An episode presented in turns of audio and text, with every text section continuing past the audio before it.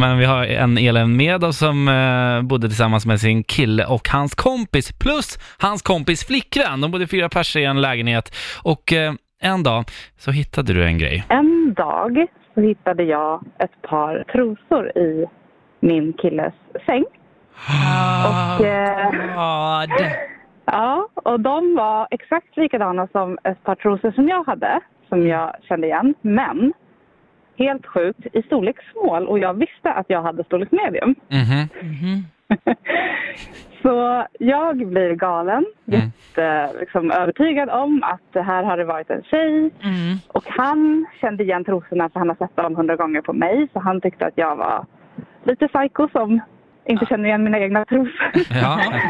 Och jag var liksom helt övertygad att eh, det här är någon annans för att det är fel storlek.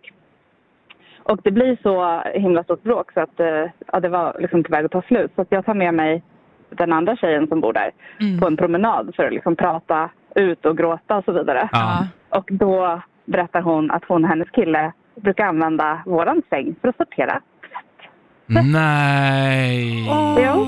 Så de har hällt ut sina nytvättade trosor och kallingar och strumpor och stått där inne och sorterat. Hon har alltså glömt sina trosor i den sängen. Så hon bekräftade att det var hennes trosor liksom. Ja, Ja, okej. precis. Hur eh, löste du det här då? Ja, jag fick ju helt enkelt eh, krypa till korset. Så...